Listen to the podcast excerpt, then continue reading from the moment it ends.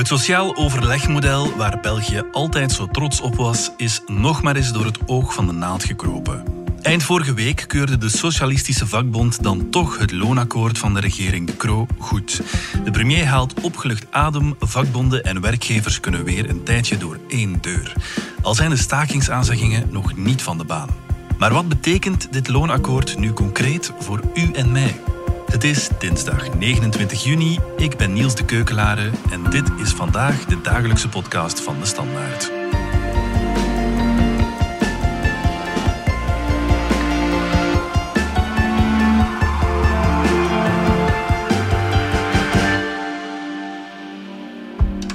De loonnorm is een belangrijk item voor het interprofessioneel akkoord. Maar er zijn ook andere mogelijkheden om het welzijn van de werknemers te verbeteren.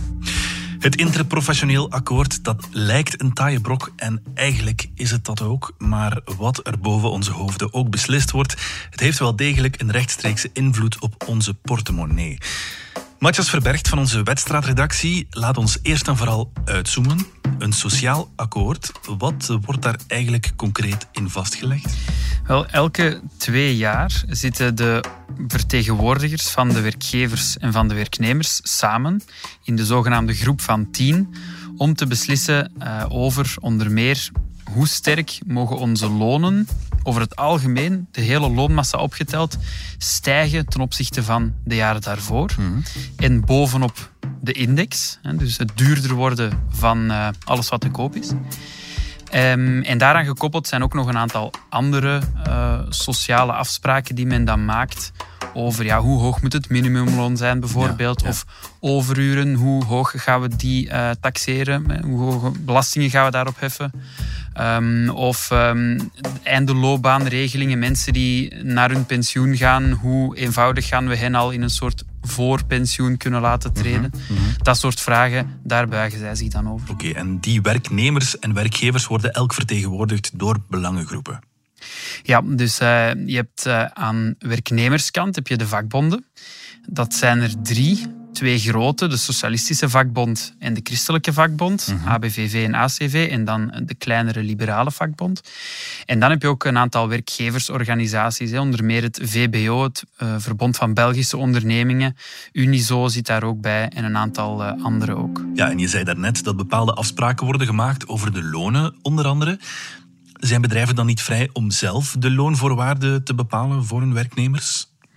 Wel, grotendeels wel, maar de overheid wil eigenlijk in de gaten houden dat de totale loonmassa bepaalde drempels niet overschrijdt.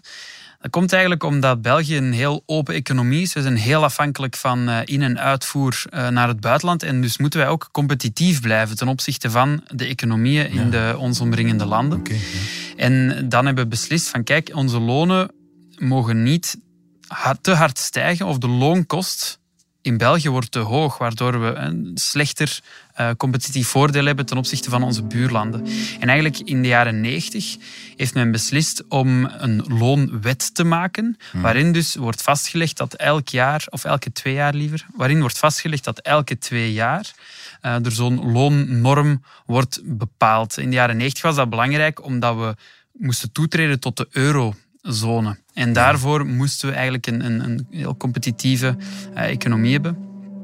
Um, en mochten we niet te veel concurrentiekracht uh, verliezen. Ja. En tot op vandaag bestaat die loonwet nog. Dus eigenlijk wordt vastgelegd hoeveel de lonen mogen stijgen om competitief te kunnen blijven.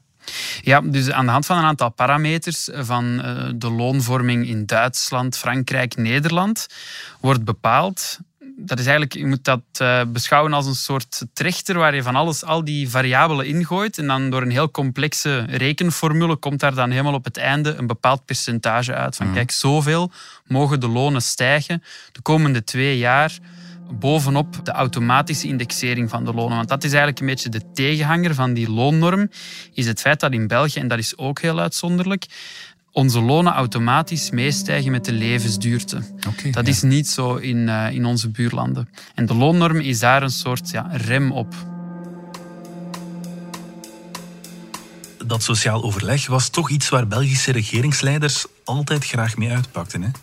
Ja, inderdaad. Zeker eh, omdat uh, België traditioneel een heel sterk middenveld heeft. Dus die middenveldsorganisaties, de, de christelijke, de socialistische, minder mate ook de, de liberalen, die hebben eigenlijk een zeer belangrijke plaats in, in onze democratie en de manier waarop de overheid zich organiseert. Mhm. Dus vonden vooral dan de socialisten en de christendemocraten het heel belangrijk om effectief hun, tussen aanhalingstekens, vakbonden, maar ook werkgeversorganisaties, eh, dat die prominente rol voor die sociale partners gevrijwaard blijft. En dan zeker um, aan, aan socialistische en ook uh, christendemocratische zijde.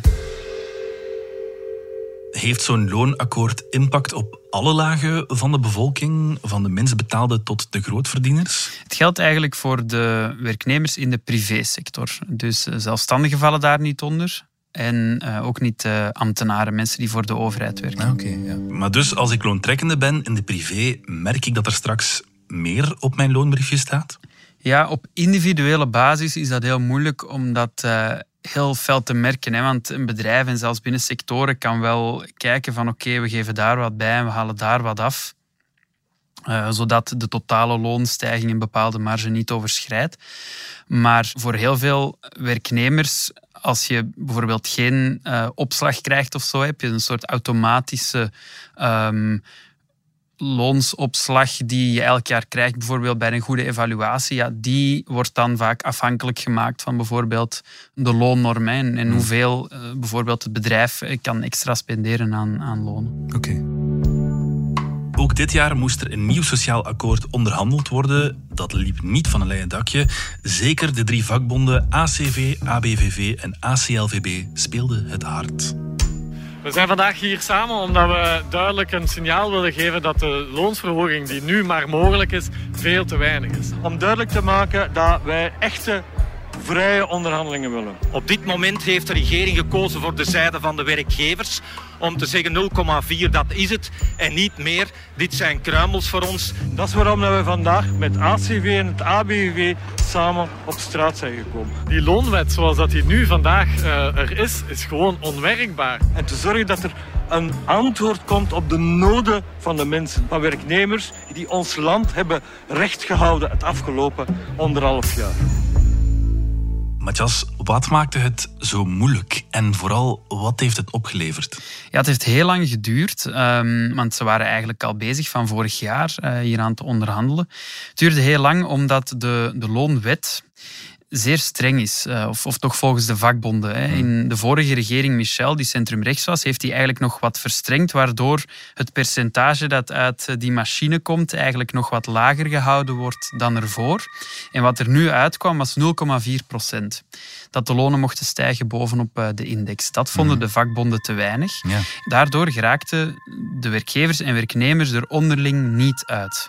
Dat heeft heel lang aangesleept. Dan heeft de regering dat naar zich toe moeten trekken, heeft de regering gezegd: oké, we behouden die 0,4 procent, uh-huh. maar als compensatie hebben de linkse partijen verkregen dat er een coronapremie komt van 500 euro, uh, ja. die wellicht uitgekeerd wordt in een consumptiecheck. Ja, ja. En een tweede pakket van maatregelen heeft men dan toch nog doorgeschoven opnieuw naar de sociale partners, zodat zij daar opnieuw een akkoord over konden bereiken. Dat ging dan bijvoorbeeld over het optrekken van de minimumlonen, over de fiscaal vriendelijke behandeling van overuren, zodat daar minder belasting op moet betaald worden, um, maar ook de zogenaamde landingsbanen, mensen die op het einde van hun loopbaan zijn, die dan um, iets meer flexibiliteit bijvoorbeeld krijgen die zaken, uh, daar hebben dan de sociale partners, dus werkgevers en werknemers, begin deze maand uh, een onderling akkoord over bereikt. En dat was eigenlijk de streep onder het loonakkoord van dit jaar.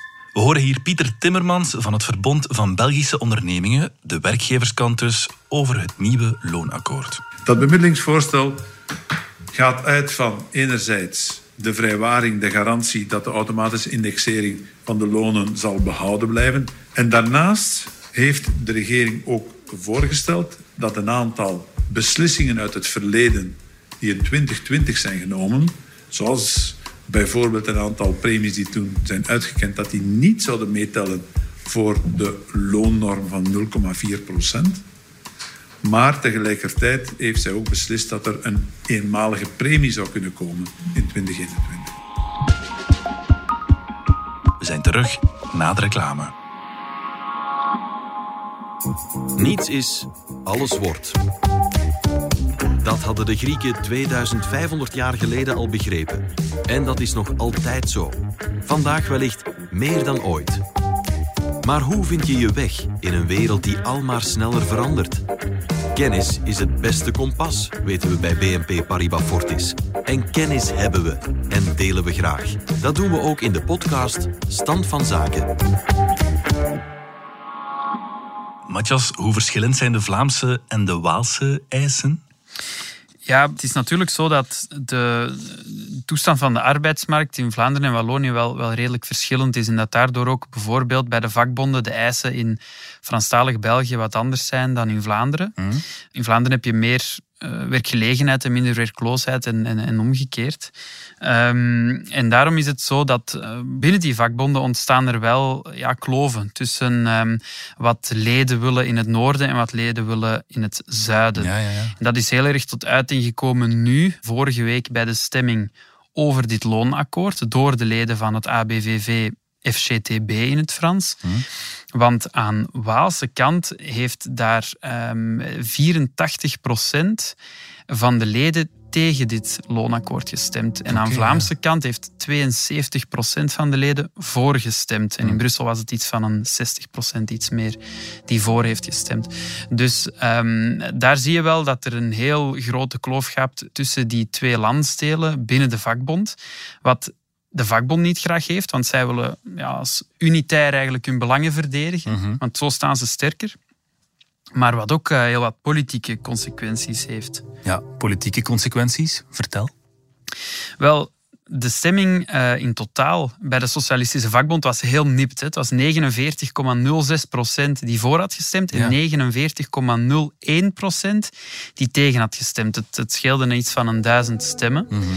En plots bleek dat de jongere afdeling van de Waalse vakbond, Socialistische Vakbond, dat die stemmen eigenlijk iets te laat waren binnengekomen en waren meegeteld als onthoudingen in plaats van tegenstemmen. En mochten die stemmen zijn meegeteld geweest, dan had eigenlijk het ABVV, FCTB, tegen dit loonakkoord gestemd. En dan had de PS een heel groot probleem gehad binnen de regering, voor zover ze dat nu niet al heeft, hè, omdat de steun aan Franstalige kant heel beperkt is. Maar dan was het probleem voor de PS nog groter geweest, omdat ja, de PS het dan opnieuw op tafel van de regering had moeten brengen. Hè, want ze kunnen natuurlijk het signaal van hun eigen vakbond eh, niet zomaar negeren. Dan hadden die onderhandelingen eh, misschien heropend moeten worden op, op federaal niveau, terwijl die nu al zo zwaar bevochten waren voor, eh, voor de PS. Ja, en daarbovenop levert de PS ook eh, de minister van, van Werk zelf, Pierre-Yves Dermagne, die ook eh, vicepremier is, eh, is bevoegd daarvoor. Dus ehm, het valt rechtstreeks onder hen. Ja, waarom is het voor de PS zo belangrijk dat ze de vakbond mee hebben? Het vakbondslidmaatschap is eh, zeer hoog hè, in België ehm, en zeker ook in Franstalig België. Dus heel veel leden of militanten van de PS zijn ook vakbondslid. Maar die positie is ehm, sinds enkele jaren erg bedreigd. Waarom is die positie bedreigd? Dat heeft alles te maken met de opkomst van de PVDA, de Partij van de Arbeid. PTB in Franstalig eh, België genoemd, die de PS van op links bekampt en die eigenlijk ook de laatste jaren ehm, aan een enorme opmars bezig is binnen de vakbond, die ook grote invloed heeft kunnen verwerven binnen die vakbond. En als dat loonakkoord dan niet voldoende blijkt te zijn voor die vakbondsachterban, is dat natuurlijk enorm koren op de molen van, van de PVDA. Ja, ja, ja. PvdA-parlementsleden Raoul Hedebouw en Gabi Kolenbunders hebben het loonakkoord op de korrel genomen. Monsieur Dermagne, on est au cœur, on est au cœur du raisonnement qui a expliqué les défaites de la gauche depuis 30 ans. C'est au nom du moindre mal justifier que 98% des travailleurs de ce pays ont leur salaire bloqué. Op de vakbonden heel goed. Heel goed als ze zeggen, in dit spel spelen we niet mee. Hier doen we gewoon niet aan mee. Hè? We hebben 0,4% maximum. W- Wat was eigenlijk de impact van de coronacrisis in dit verhaal, in deze onderhandelingen? Wel, De coronacrisis speelde een rol omdat um, die voor de werkgevers een argument was dat de lonen eigenlijk niet te fel konden stijgen. Zij zeiden, kijk, de economische crisis um, is er gekomen door uh, corona. De bedrijven hebben simpelweg de marge niet om uh, veel meer uh, te geven bovenop de index dan die 0,4 procent. Mm -hmm. Interessant is om te zien dat net aan de andere kant langs werknemers zeiden corona ook een argument werd. Zij zeiden, ja, onze werknemers hebben net het uiterste van zichzelf moeten geven, in heel moeilijke omstandigheden moeten werken, zeker in bepaalde sectoren. Mm -hmm. En bovendien zijn er ook een aantal sectoren die zeer wel hebben gevaren bij de coronacrisis. Dus voor hen was het dan weer een argument om te zeggen er moet net meer mogelijk zijn. Ja, ja. En dat heeft de, de, de onderhandelingen zeker niet vergemakkelijkt. Danny van Assen van werkgeversorganisatie Unizo wond er tijdens het loonoverleg geen doekjes om. Ik denk dat er weinig keuze is. We hebben de verdomde plicht als sociale partners om tot een akkoord te komen in deze onzekere tijden. Ik denk dat het de plicht voor ons als sociale partners, zowel werkgevers als werknemers, is om tot onderhandelingen te komen en ook tot een akkoord te komen. Ja, Matthias, het akkoord is er dus gekomen. Zitten we nu safe de komende twee jaar? Um, het zal zeker niet uh, stil zijn op het uh, vakbondsfront, want de ABVV, dus de Socialistische Vakbond, heeft al aangekondigd dat ze in september zullen staken. Okay, ja. Het wordt zeker een, een hete herfst, zoals het dan uh, genoemd wordt in syndicale kringen. En ja, de regering De Croo gaat natuurlijk blijven worstelen met die sociaal-economische dossiers die tussen liberalen en socialisten heel moeilijk uh, op te lossen zijn, omdat mm. de visies zo tegengesteld zijn. En het uh, volgend ja, loonakkoord zal ook nog binnen deze regering vallen. Mm -hmm, um, mm -hmm. Dus uh, ongetwijfeld ja, zitten daar nog confrontaties uh, te komen. Ja, we horen hier bijvoorbeeld Miranda Ulens, topvrouw van de socialistische vakbond ABVV. Wij zeggen ja op het sociaal akkoord met een heel, heel nipte meerderheid omdat we het echt een solidariteitsakkoord vinden, zeker voor de mensen met minimumlonen en zeker voor degenen die aan het einde van de loopbaan staan en een beetje gas willen terugnemen. Blijf doorzinderen dat we die loonsonderhandelingen niet op een deftige manier hebben kunnen voeren en dat blijft nog altijd gaande. Uh, en dus daar moet dus wel in de komende twee jaar, tegen dat we aan de volgende onderhandelingen starten op interprofessioneel vlak, zullen we daar toch wel iets moeten aan doen en zal die wet toch wel herzien moeten worden. En nu, Matthias, wat is de volgende stap?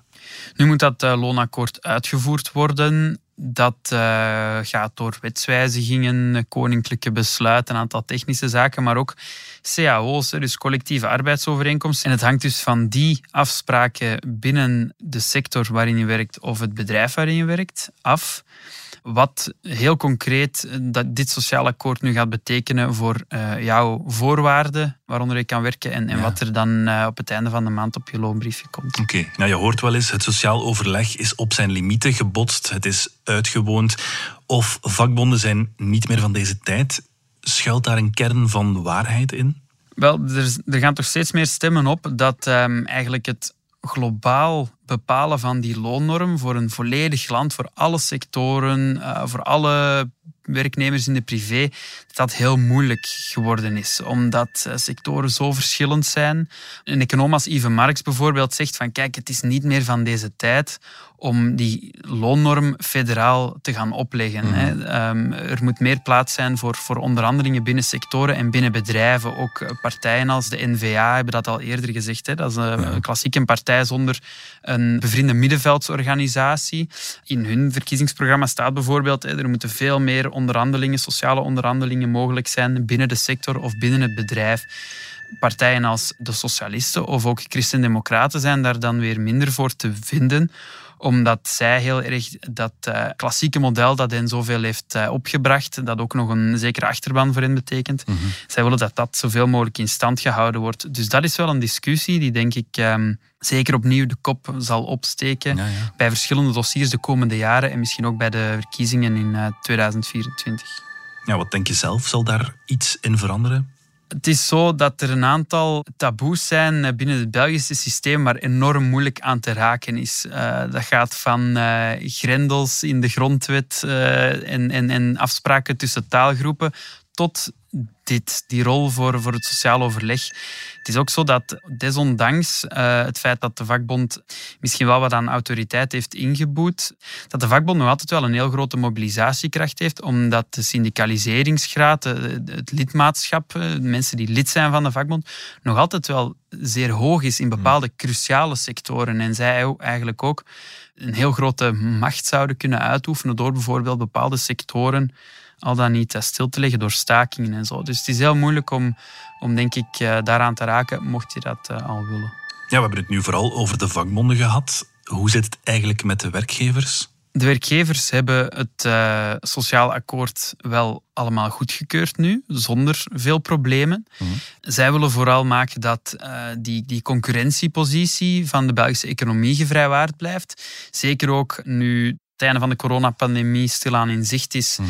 en het economische herstel zich aandient, dat um, ja, België daarin mee kan gaan, zoveel mogelijk. En dat ze zoveel mogelijk van die groei mee kunnen profiteren ja, het belangrijkste voor hen is dat de loonkosten niet te veel stijgen. En in die zin zijn zij wel tevreden dat het bij die 0,4% is gebleven. Dus ze zullen er alles aan doen om ervoor te zorgen dat die loonwet, die de vakbonden veel te streng vinden, dat die toch gevrijwaard blijft. En voorlopig is dat verankerd in het regeerakkoord. Dus in die zin zitten ze de komende jaren nog wel uh, vrij goed, ook al moeten ze her en der wat uh, toegevingen doen. Wie is eigenlijk de politieke winnaar? Um, ik denk dat um, de socialisten zich erg hebben kunnen profileren hierop en dat zij bij het afsluiten van het loonakkoord wel de indruk hebben gegeven dat zij daar enorm op wogen. Hmm. Dus naar buiten toe misschien uh, in dat geval de socialisten. Puur inhoudelijk denk ik dat de liberalen ook wel tevreden zijn.